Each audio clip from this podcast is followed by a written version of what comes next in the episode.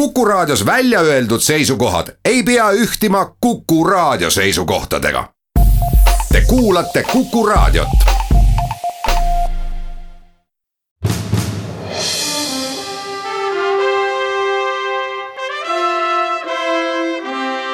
vahetund Postimehega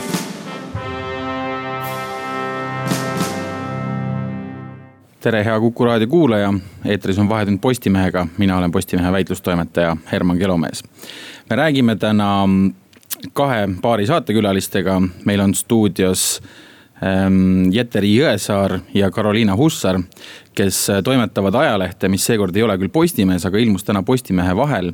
ja teemad, mida me seal ähm, käsitleme, on kanep ja alkohol ning, ähm, ning laiemalt ka see, et äh, mis ajalehega üldse on tegemist ja kui tihti seda edaspidi näeb ja mida sealt lugeda saab. ja teises pooltunnis räägime me Postimehe välistoimetuse toimetaja Berit Nukaga olukorrast Ungaris Ehm, kõigepealt tere tulemast saatesse, Jeteri Jõesaar ja Karoliina Hussar.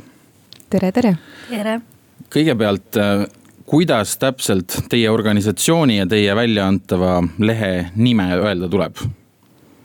no äh, neljas dimensioon on kõige õigem viis, kuidas öelda meie organisatsiooni kohta, aga äh, kuigi ajalehe nimes on neli täht või noh, number neli, siis ei, ei pea ütlema neli ja leht või neljaleht, vaid ikkagi ajaleht ja naljaleht me ka ei ole. kena, ehm, no seda oli tegelikult aru saada ka, olles täna siis Postimehe vahel ilmunud ehm, ajalehte nimega Ajaleht lugenud ehm, te kirjutate seal, teie ja teie kaasautorid kirjutate seal teinekord ähm, niimoodi humoorikalt, aga siiski üsna targalt ja käsitlete päris palju tõsiseid teemasid ähm,. enne kui me lähme esimese ja võib-olla selle lehe kõige pikema loo juurde üks lühike sõnum Postimehelt ka, nimelt Jaan Tõnissoni Postimehe fond annab välja stipendiume ajakirjandusüliõpilastele selleks, et nad oma erialaseid teadmisi ja oskusi saaksid omandada oma võimet, võimeid arendada, et näiteks bakalaureuse tudengitele on need stipendiumid aastas kolm tuhat kuussada eurot, magistritudengitele juba kümme tuhat eurot. on võimalik siis kasutada erialase hariduse omandamiseks ka Postimehe, Postimees Gruppi äh, praktikale tulemiseks. kandideerimistähtaeg selleks on seitsmes juuni. ma saan, kui ma nüüd nimekirja õigesti vaatasin, Karoliina, sina oled üks nendest stipendiaatidest. mina ja sain eelmisel aastal seda stipendiumi. kas on abi ka olnud? On küll väga hea, sest ma õppisin välismaal äh, pool aastat ja, ja see väga aitas Belgia, Belgia majandustasemega toime tulla no suurepärane, ähm, te liitute meiega Tartu stuudiost, äh, sest te olete ajakirjandustudengid. Äh, aga see mm, see tegelikult ei tähenda seda, et, ähm, et, et äh, seda väljaannet, mille te olete teinud, peaks võtma kuidagi juuniorväljaandena, vähemalt mulle tundub. et see lugu, mis räägib kanepist ja kanepidiileritest, oli küll selline, mida võiks sama hästi ka päris Postimehes ilmutada. sellest tahakski, tahaksingi ka äh, alustada Jeteri, kes on siis ähm, no meil on stuudios siis kaks peatoimetajat, üks siis selle teie organisatsiooni neljanda dimensiooni peatoimetaja Jeteri ja Karoliina, kes on selle ajalehe peatoimetaja. Jeteri on siis äh, selle kanepiloo kirjutanud ja ma küsiksin sult alustuseks, et kes on tavaline kanepidiiler Eestis? no meie andmekogumise tulemusena panime kokku profiili, et Eesti keskmine kanepidiiler on umbes kolmekümne ühe aastane mees, kelle emakeel on eesti keel Äh, ta on kriminaalkorras karistamata ja töötav inimene ning haridus on tal piirdunud põhikooliga või keskeriharidusega. et äh, tegelikult äh, nüüd vaadates noh, üldist Eesti elanikkonda, siis see profiil ei ole mitte midagi üllatavat või, või eriliselt väljapaistvat, et tegelikult selle profiili järgi võiks öelda, et iga ma ei tea, viies inimene, kes sulle tänaval vastu tuleb, võib vabalt olla kanepidiiler no kas nad tavaliselt tegelevad ainult kanepi müümisega või on tegemist sellise nagu narkodiileriga üldiselt, kellelt saab mitmeid erinevaid aineid? no taaskord meie andmestikus meil oli mõlemaid, ehk siis oli nii-öelda monodiilereid, kes müüvad ainult kanepit ja olid polüdiilereid, kes müüvad ka kõike muud. aga selle artikli jaoks ma rääkisin äh, Rait Pikaroga, äh, siis kes tegelebki narkojuhtumitega ja tema ütles, et, et tegelikult sellist asja nagu mono, monodiiler põhimõtteliselt ei ole olemas. et äh, siiski inimene, kes juba tegeleb äh, narko müümisega, et, tal on juba jalg äh, seal kuritegelikus maailmas ja tal on ligipääs kõigele muule ka, mis sealt saada võib. ja, ja, ja tegelikult ei, ei ole niimoodi spetsialiseerunud diilereid, vaid siiski pigem on, ollakse raha peal väljas no mida see, mida Rait Pikaro täpsemalt sellest probleemist arvab või kuidas nende käsitlus on, et kanep on ühest küljest kindlalt kõige levinum narkootikum, aga teisest küljest ka selline, mille tagajärjed ei ole üldjuhul fataalsed või, või selliseid nagu päris tõsiseid tervisekahjustusi ähm, põhjustavad, vähemalt mitte selliseid ühekordseid, noh üledoose, selliseid asju me ei näe, et kui, kui suur prioriteet on kanepiga tegelemine politseile äh,? siiski suht suur, sest et noh, kuna see ongi Eestis ja Euroopas üks kõige tarvitatavamaid äh, narkootikume ja, ja see noh, arv tegelikult kasvab, et kes, kes tarvitavad või on tarvitanud vähemalt ühe korra.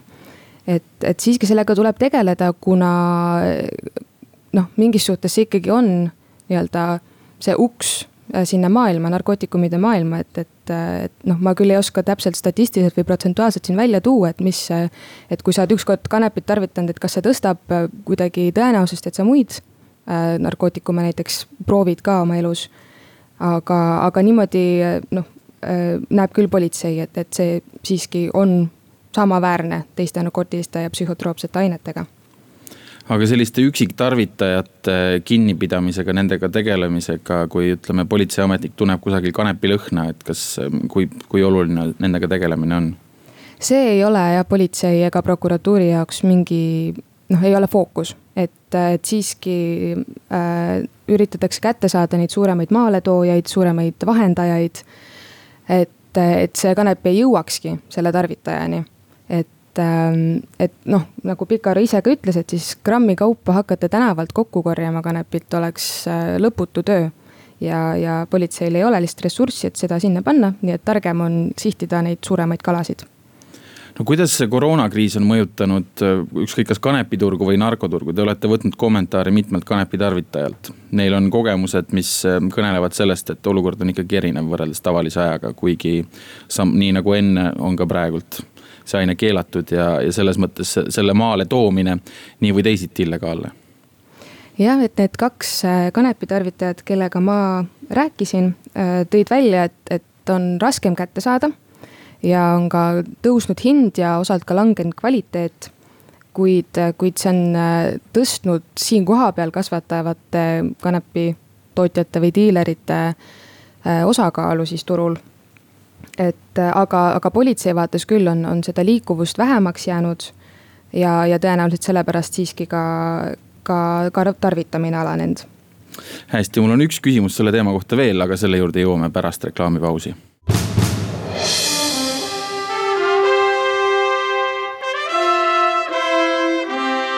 vahetund Postimehega.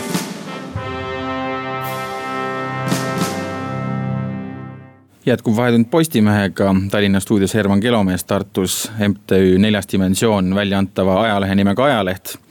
Ehm, toimetajad ja me jätkame siis kanepi teemal ja mul on üks küsimus teile veel me näeme kanepi puhul natukene sarnast tendentsi nagu alkoholiga paarkümmend aastat tagasi, ehk siis, et naiste tarvitamise osakaal eh, on märgatavalt suurenenud, et kas te oskate oma hinnangu põhjal öelda, miks see võiks nii olla?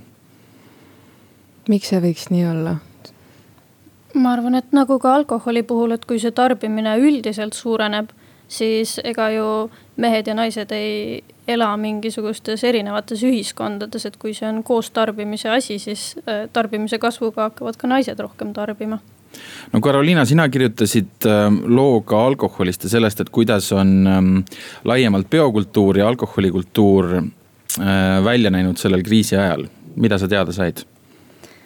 Äh, noh, ma ütlen kohe ära selle, et me tegime, noh, mida me teada saime oli see, et äh, väga mingit ühest statistikat või ülevaadet Eestis veel selle kohta ei ole. et kuidas koroonakriis on siis mõjunud inimeste alkoholi tarbimisele, eestlaste alkoholi tarbimisele.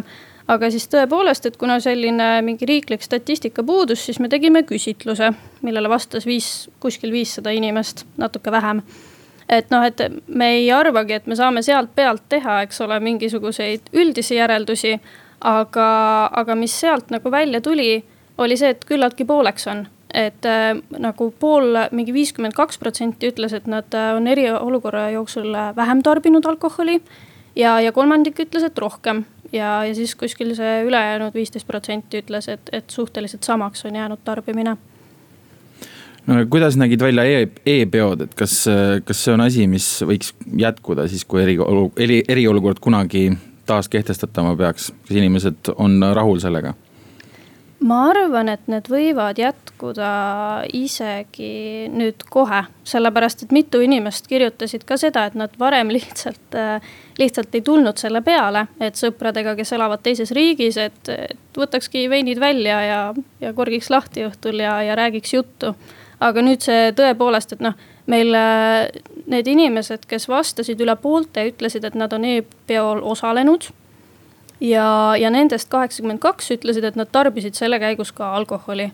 et tundub, et see ikkagi sai selliseks suuremaks trendiks eriolukorra ajal ja ma arvan küll, et see jätkub ja no hästi, ma ei taha nüüd jätta muljet, et ähm, teie leht ainult meelemürkidest on, lihtsalt teie konkreetselt olete kahekesi nende lugude autorid ähm,. seletage natukene lahti, mis väljaandega on tegemist ja kuidas te valite oma teemasid Äh, neljas dimensioon on siis Tartu Ülikooli ajakirjandustudengite äh, väljaanne, mida nüüd oleme teinud pea neli ja pool aastat. et äh, teemegi seda omast huvist ja, ja tahtest ja kirest oma eriala vastu. ja kuidas me neid teemasid valime, on väga noh, nii-öelda orgaaniline selles suhtes, et igaüks võib tulla oma ideega, mõnel võib tulla rohkem ideid ja siis keegi ütleb, et oh, ma teen just selle loo ära. et me lihtsalt et valime teemasid, millest me tahaksime ise lugeda ja kas teil on ka mingisugune juhendaja, kas keegi ütleb teile, millest peaks või võiks kirjutada või veel enam, et millest ei võiks või ei peaks kirjutama? ei, ei ole, et äh, see otsustamine toimub äh, väga demokraatlikult meie endi keskel. et äh, koosolekul pakume välja ideid ja siis hakkame põrgatama, et kas see võiks sobida ja kuidas seda võiks vormistada, et, et kedagi äh, nii-öelda vanemat ja targemat äh, otseselt meie seas ei ole ja meid ei juhenda, et me täitsa niimoodi omaette teeme. ja eks sellest kirjutas ka Postimehe peatoimetaja Mart Raudsaar oma tänases peatoimetaja kolumnis. Äh, kus ta ühest küljest küll ütleb, et ähm, sellel väljaandel ei ole seost otseselt Postimehe otsuste, ajakirjanduslike otsustega. Äh, aga soovitab seda siiski lugeda. Ähm, milliseid teisi teemasid te veel kajastasite selles esimeses numbris? mm. -hmm meil olidki noh, nagu Jette siin väga ilusasti kirjeldas, et, et kõik need teemad sündisid selle järgi, et, et mis inimestele, mis meie liikmetele endale huvi pakub. ja, ja sellepärast oli ka teemad seinast seina.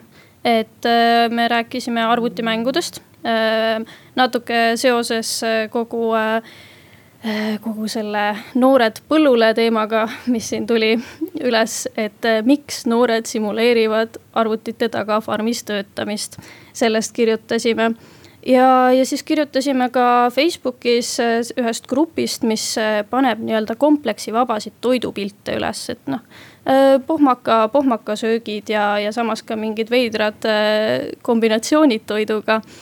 ja, ja, ja muidugi meil ka teatrikriitik Alicia, kes sai kuulsaks äh, filmist Aastateist raamat, kirjutas, kirjutas oma kolumni, kuidas siis on, milline näeb välja virtuaalteater ja kuidas ta seda koges. no kuidas teile tundub, äh, kas ähm, ajakirjanduse tarbimine üldiselt äh, teie vanuses, ma ei räägi nüüd ajakirjandustudengitest. kui palju sellist nii-öelda tuumajakirjandust, äh, sellised kahekümnendates eluaastates noored, kellel on nii palju kõikvõimalikku muud meediat, mida neil on võimalik tarbida, just sellist nagu tasulist sisu, noh Postimees, Äripäev, Õhtuleht ähm, Päevaleht, noh peamiselt on see kõik tasuline, kui palju noored tänapäeval seda tarbivad üldse? no taas ei ole mingeid numbreid öelda ja, ja ma mingeid suuri järeldusi ei oska ka pakkuda, aga ma arvan, et see pigem ei ole võib-olla nii nagu negatiivne olukord või kurb olukord.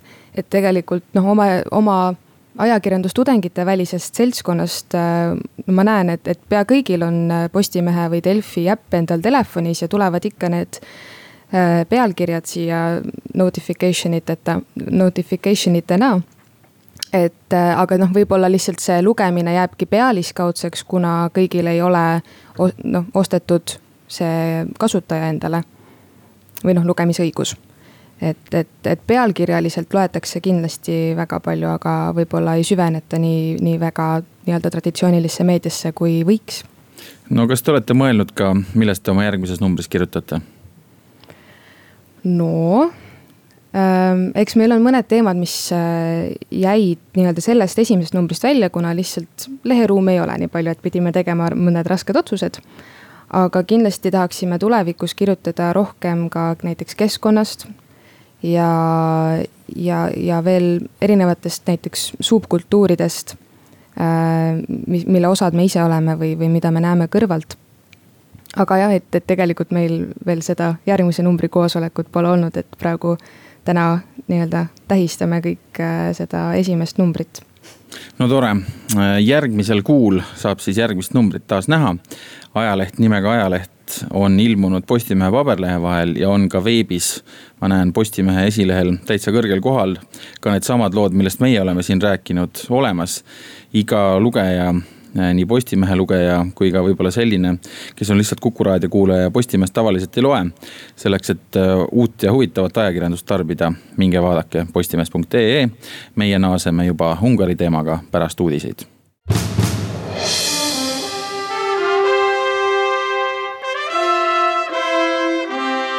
vahetund Postimehega.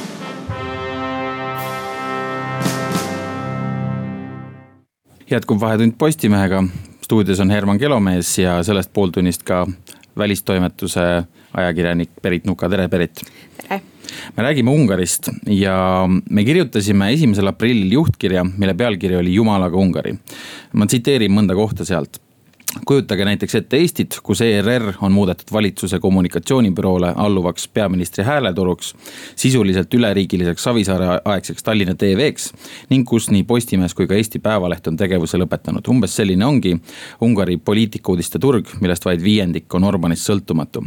me kirjutasime juhtkirja pealkirjaga Jumalaga Ungari, sest et ähm, sellel hetkel meile tundus, et Orbani siis eriolukord või Ungari versioon eriolukorrast, mis on äh, ilmselt kõige karmim üldse Euroopa Liidus, ähm, on selline, mis kinnistab tema niigi juba autokraatlikuna tundunud võimu eh, noh, kas nüüd päris diktatuuriks, aga igal juhul millekski, mis on väga erinev sellest, mida me Euroopa Liidus tajume vaba ühiskonnana ja demokraatiana.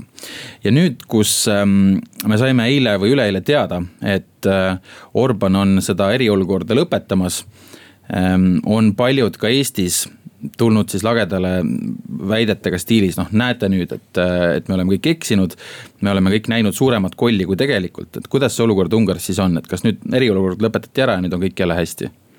Äh, eks tal sellega ongi sihuke kahe, sellel asjal on kaks poolt ja üks ilmselt ongi see, et, et kõik need, kes ütlevad, et näete, te olete eksinud Ungari osas, te olete näinud kolli äh, selle peale mõnes mõttes tõenäoliselt Orban mängibki, sest et nüüd on tal võimalus näidata, et näete, te eksisite ma käitun täiesti riigimehelikult, ma järgin demokraatlikke põhimõtteid, meil, meil oli erakorraline situatsioon, see vajas äh, haldamist me võtsime õigused, et sellega tegeleda adekvaatselt, olla võimalikult kiire reaktsiooniga, sellepärast oli vaja seda võimalust äh, valitseda dekreetide, määrustega ilma parlamendita. tegelikult, kuigi meil oli võimalus parlamendi töö seisata, me ei teinud seda, parlament käis koos, arutas asju. nüüd me anname kõik need õigused tagasi, kõik läheb vanastesse rööbastesse ja selles mõttes näebki kõik väga ilus välja.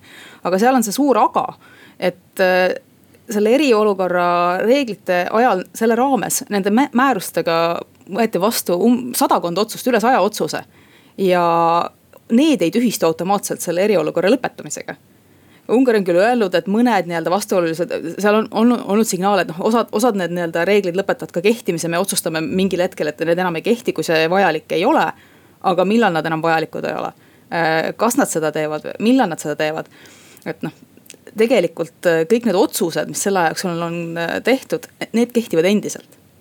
see tundub natuke nagu olukord, kus on ähm, inimene saanud kätte kümne maja võtmed, varastanud need kümme maja tühjaks ja siis andnud need kümme võtit tagasi, öelnud, et näete, nüüd on kõik korras midagi sellist. midagi sellist jah, sest et tegelikult me ei tea, paljud neist muudatustest jäävad püsima, mis on tehtud. mis ajaks nad jäävad püsima Orbani kriitikud on selle kohta öelnud tegelikult seda, et noh, iseenesest ta ei teinud midagi erilist, ta tegi seda, mida ta oleks saanud teha ka siis, kui selliseid võimalusi tal ei oleks olnud, et noh. tal on parlamendis sedavõrd suur enamus, et ta saaks tegelikult kõik need otsused langetada ka teistmoodi, selleks ei oleks olnud vaja seda eriolukorda, kus ta saab lihtsalt anda korralduse aga see oleks võtnud rohkem aega, see oleks olnud tüütum, praegu jäid paljud need uudised teiste teravate küsimuste varju. see oli lihtsalt lihtsam mm. -hmm. no üks asi, mis on siis muudetud äh, kriminaalkorras karistatavaks, on valeuudiste levitamine, hirmu õhutamine. meil oli siin ka Eestis eriolukorra alguses äh, olukord, kus äh, siis levis kuulus Tallinna ja Harjumaa sulgemise ja alkoholimüügi lõpetamise libauudis Äh, mille peale peaminister Jüri Ratas ütles, et äh, valeinfo levitamine on äh, karistatav, et me küsisime erinevaid arvamusi õigusekspertidelt ja noh, Eesti reaalsus on see. et põhimõtteliselt valeinfo levitamine võib-olla ei ole isegi väärteo korras karistatav, et kuidas see olukord Ungaris on. mille eest sind karistada saab ja mis on juba toimunud? karistused valeinfo levitamise eest või siis pandeemia olukorras hirmu õhutamise eest võivad küündida kuni viieaastase vangistuseni mõnes mõttes on see seadus tegelikult väga hägune et öö, otseselt ei ole sellega mindud ajakirjanike kallale, keegi ei ole nii-öelda läinud väga sellise valitsuskriitika peale meedias, aga seda on suhteliselt vähe olnud. Need, keda on politsei pihtide vahele võtnud, on tegelikult kas opositsiooniaktivistid, kohati lihtsalt äh, kriitilised inimesed ja politsei on käinud vestlemas inimestega, kes on näiteks vajutanud äh, sotsiaalmeedias äh, meeldivaks mõne postituse, mis on valitsuskriitiline. Äh, võttis kodust kaasa, kuulas mitu tundi üle opositsiooniaktivisti, kes jagas Facebookis ühe poliitiku postitust, mis kritiseeris korraldust haiglast, ehk et tegelikult ei ole otseselt nii-öelda mindud ajakirjanike vastu, vaid on mindud äh, sihukeste väikeste sotsiaalmeedia postituste tegijate vastu. ehk et äh, pigem on eesmärk lihtsalt anda märku, et me jälgime. ja, ja me võime seda seadust kasutada et noh, Ungaris on ka näiteid, äh, näiteks äh, ühes, ühe, üks inimene, kes äh, võeti kinni. prokurör otsustas, et tema asjaga edasi ei lähe ja selle peale siis valitsus teatas, et näete, meil õigusriik toimib.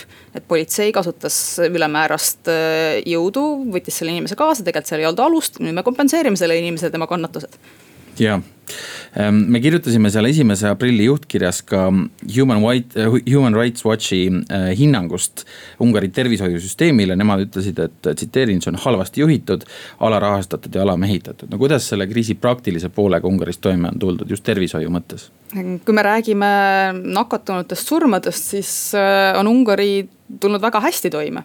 Neil on alla nelja tuhande nakatunu ametlikult, umbes viissada surnut samamoodi ka naaberriigid, et tegelikult selle piirkonna riigid on saanud väga hästi selles mõttes hakkama.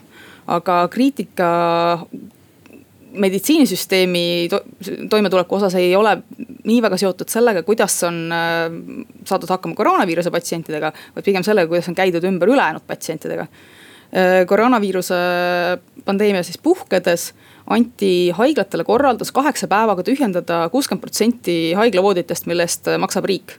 ehk et koju hakati saatma inimesi, kellel eelmine päev olnud operatsioon.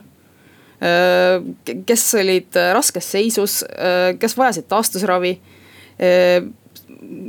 Financial Timesile üks Budapesti kiirabitöötaja ütles, et kümnest inimesest, kes, kellega tema tegeles, kes saadeti kiiresti koju, on üheksa surnud praegu aga selle kohta numbreid ei ole, selle kohta andmeid tegelikult ei ole ja väga palju on räägitud ka sellest, et äh, üks viiruse leviku allikaid Ungaris oli meditsiinisüsteem ise. Äh, kohati on räägitud sellest et, et viisteist protsenti äh, tuvastatud juhtumistest on seotud meditsiinisüsteemiga. nakatumised on toimunud meditsiinitöötajate kaudu, aga see on taaskord jälle spekulatsioon, sest selle kohta ametlikke andmeid ei ole no aga milline on üldine sotsiaalne olukord Ungaris, et ta on enamasti olnud vist vähemalt jõukuse mõttes Eestist nagu rikkam riik ja kuidas Orbani ajal äh, sotsiaalselt Ungari välja näeb äh,? Ungari majandus on kasvanud tegelikult äh, Euroopas peaaegu et kõige kiiremini mitmeid-mitmeid aastaid. ja selles mõttes on riigil majanduslikult hästi läinud, aga see, see rikkus ei ole jagunenud väga võrdselt. et Ungaris on ikkagi ühiskonnas suhteliselt suured äh, lõhed ja ka seesama mainitud meditsiinisüsteem et äh, selle rahastamisega on probleem, et alles enne seda pandeemiat äh, tehti üks küsitlus, kus äh, uuriti inimeste käest, et kuidas nende arvates nagu meditsiinisüsteemi olukord on. siis kümme, kümne aasta tagusega võrreldes ja kuuskümmend protsenti inimestest ütles, et see on kehvem, sealhulgas nelikümmend protsenti Orbani partei Fideszi toetajatest. ehk et see ei ole niimoodi, et inimesed ei saaks aru, et olukord, et, et on probleem riigis ja, ja see ikkagi puudutab inimesi suhteliselt valusalt, sest et tegelikult Ungari jõukus on kasvanud, aga sellest jõukusest on väga palju võitnud äh, Orbani lähikond. ja, olgu Orbani lähikonnast räägime veel edasi pärast lühikest pausi.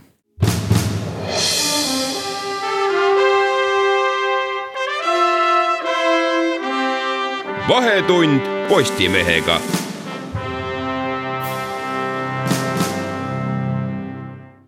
ja jätkub Vahetund Postimehega viimane veerandtund stuudios jätkuvalt väitlustoimetaja Herman Kelomees ja välisuudiste toimetaja Berit Nuka. no Berit, me rääkisime Orbani lähikondsetest ja, ja ma küsiksingi niimoodi, et äh, kui nüüd välja arvata see, et Orbanil tõenäoliselt on lihtsalt sellised autokraatlikud iseloomujooned ja, ja ja võimuiha, siis äh, mis põhjusel üldse on vaja nii kramplikult võimust kinni hoida peaministril, kes on kümme aastat või rohkem ametis olnud um.?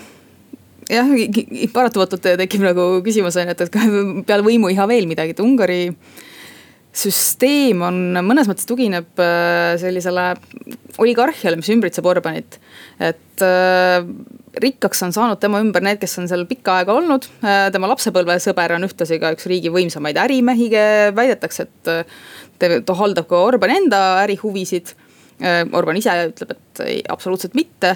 Äh, aga seesama inimene näiteks praegu on saanud äh, selle kriisi kestel väga suuri toetusi, muuhulgas ostis riik ära tema söeelektrijaama, mis vajab umbes miljardi jagu investeeringuid. see inimene on seotud kiirraudteeprojektiga Budapesti-Belgradi vahel, mis on miljardeid, saab Hiinast ja mis on salastatud ka see otsus võeti vastu eriolukorra ajal, et selle dokumendid salastatakse järgnevaks kümneks aastaks. Ehm, paljud Orbani lähikondsed on äh, saanud äh, osta kokku Ungaris põllumaid, mida nad rendivad välja, mille pealt nad saavad eurotoetusi. et see on selline ring, mis hoiab seda süsteemi käigus, ka, ka meedia kuulub sinna alla, erameedia on paljuski Ungari lähikondsete käes, sõprade käes, poliitiliste toetajate käes, ärimeeste käes, kes, kellega saab hästi läbi. aga sellel on ka laiem mõõde selles mõttes, et Ungari on äh, riik, mis saab hästi läbi korraga Hiina ja Venemaaga. ehk et äh, ta on nendele kahele riigile mõnes mõttes kanal Euroopasse, et äh, Orbanil on võita sellest äh, suhete võrgustikust üksjagu. Ja sa mainisid eurorahasid, eurorahad on Orbani jaoks olnud üks nendest tööriistadest, mille kaudu äh, enda sõpradeks olevaid oligarhe rikastada. ja sa intervjueerisid ähm, Ungari opositsioonipartei Momentum eurosaadikut Katalin Tšehhi ähm, tema, sellest intervjuust tuleb välja äh, ka see, millest ma just rääkisin, aga ka see, et ähm, noh, tema arvates on Euroopa Liit olnud selgelt liiga nõrk selles kriisis, et noh, kui vaadata, mida Euroopa Liit saab teha. Äh, näiteks saab ta käivitada Euroopa Liidu lepingu artikli seitse, mis tähendab siis seda, et äh, kui liikmesriigid on nõus, siis saab Ungarilt võtta ära näiteks hääleõiguse Euroopa Liidu nõukogus, kas sellel on mingisugust perspektiivi? See on keeruline sellepärast, et äh, ei ole ühtset äh, seisukohta, kuidas peaks Orbaniga ümber käima või Ungariga ümber käima äh,. aga selleks, et seda otsust vastu võtta, see peab olema ühehäälne, ehk et äh, Ungari ise saab selles kaasa rääkida, selles otsustusprotsessis ju põhimõtteliselt. lisaks sellele on Poola, kes tõenäoliselt seda toetaks, praegu kui vaadata Euroopas ringi, siis äh, Orbaniga väga heades suhetes on äh, nüüd äh, hiljuti saanud, Sloveenia peaministriks saanud Janez Janša, et neid, neid riike on üksjagu, kes ilmselt ei tõstaks kätt ja ütleks, et jah, karistame Ungarit ja, ja tõenäoliselt on ka mõnes mõttes sellest Ungari teemast natuke väsimus selles mõttes, et, et eh, kuigi varem näiteks Saksamaa on väga aktiivselt Ungarit kritiseerinud, siis mõnes mõttes nüüd on Merkel ja Orban rahu teinud, sellepärast et Saksamaa ei taha kogu aeg tegeleda Ungari küsimusega. on palju ka muid ja pakilisemaid asju, millest tahetakse rääkida, mitte pidevalt nagu tegeleda Ungariga. nojah Saksamaa ei ole ei Poola ega Ungari selles mõttes, et äh, kui demokraatlik või kui vaba on see ühiskond, aga Angela Merkel siiski ähm, CDU esimees, lisaks sellele, et ta on Saksamaa kantsler äh,. Euroopa Rahvaparteist, äh, mis on siis ähm,, mida esindab Euroopa Parlamendis ka suurim fraktsioon.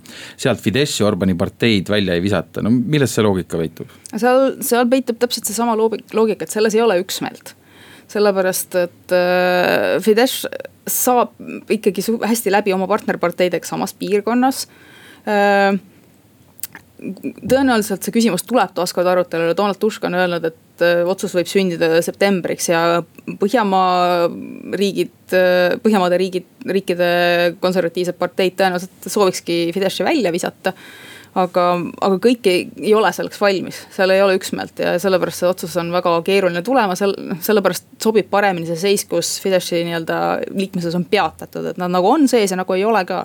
ja ega Orban tegelikult ju sealt välja ei kipu selles mõttes, et, et ta tahab hoida seda suhteid täpselt nii hea, nagu, et ta oleks, et ta saaks seal püsida sellepärast, et tema variant oleks sellisel juhul minna ühte leeri siis äh, päris euroskeptiliste paremäärmuslike jõude europarlamendis ja tal, tal on palju suurem sõnaõigus äh, asjades kaasa rääkida, kui ta on ikkagi EPP-s ridades Euro Euroopa Parlamendis. ja äh, veel rääkides Euroopa Liidust ähm, just praegu, kui me räägime, hakatakse lahti rullima siis Euroopa Liidu uut eelarvekava, mis ka Eestit väga oluliselt puudutab, kuni aastani kaks tuhat kakskümmend seitse. Ähm, tehakse otsused raha jaotamise osas tõenäoliselt veel selle aasta jooksul, kui jõuab kas Ungari võib saada võib-olla mõjutatud oma tegude tõttu sellest eelarvest, et saavad võib-olla vähem raha või mingitele soovitud asjadele ei saa raha? Võimalused, nad saavad vähem raha, on kindlasti olemas, aga pigem mitte siis sellepärast, et nad ei järgi õigusriigi põhimõtteid, sest et see teema on keerulisem, selles on rohkem vastuolusid. vaid suurem tõenäosus on, et ikkagi Euroopa Liit ühel hetkel hakkab nagu rohkem näppu viivutama selle oma sõprade ja ümbritsevate ärimeeste toetamise poole. sest et selles osas on palju lihtsam, seal on palju selgemaid näiteid, kui see, need tõsiselt ette võtta, siis viidates nii-öelda korruptsioonile või raha ebaots-, sihtotstarbelisele kasutamisele, selle arvelt on palju lihtsam võimalik, lihtsamalt võimalik kärpida seda, neid summasid, mida Ungarile anda ja seesama Katalin Tšehh, see eurosaadik, ähm, keda ma korra juba mainisin, äh, kellega intervjuud on äh, nii tänasest Postimehe paberlehest kui ka veebist võimalik lugeda. saad sa natukene selgitada, mis inimesega on tegemist? Ehm, ta on hariduselt arst, noor poliitik, Momentumi liikumine tekkis tegelikult kahe tuhande viieteistkümnendal aastal kui seltskond inimesed oli kokku, et kuna Ungari soovis endale olümpiamänge ja oli valmis selle peale kulutama väga suure summa raha ja nende esialgne nii-öelda kokkutulemise mõte oligi, et korraldada rahvaküsitlus selles asjas, et kas ungarlased on valmis nii suuri summasid panema olümpiamängude alla. Ja nende kampaania osutus väga edukaks, Ungari loobus lõpuks olümpiamängude taotlemisest ja jõudis, Orban andis alla, otsustas, et tõesti, võib-olla meil ei olegi raha selle jaoks. Ja sellest edust tiivustatuna nad otsustasid moodustada partei Momentum siis parlamendivalimistel äh, nad ühtegi kohta ei saanud, äh, tol hetkel partei juhatuses olnud Katalin Tšehh astus sealt tagasi.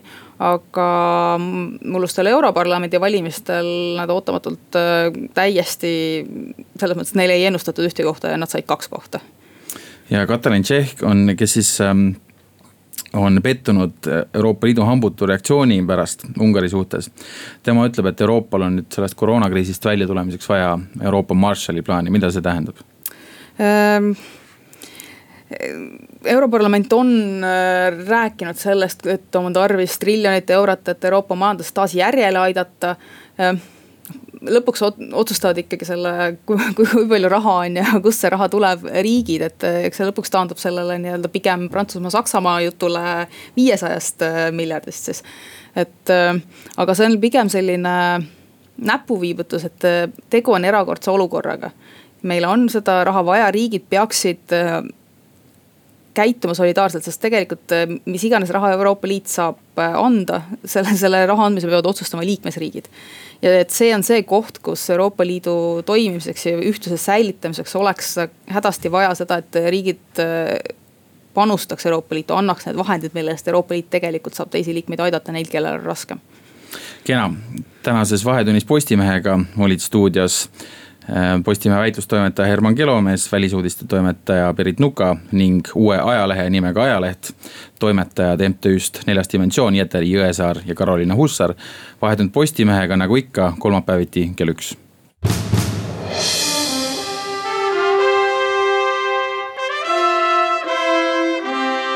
vahetund Postimehega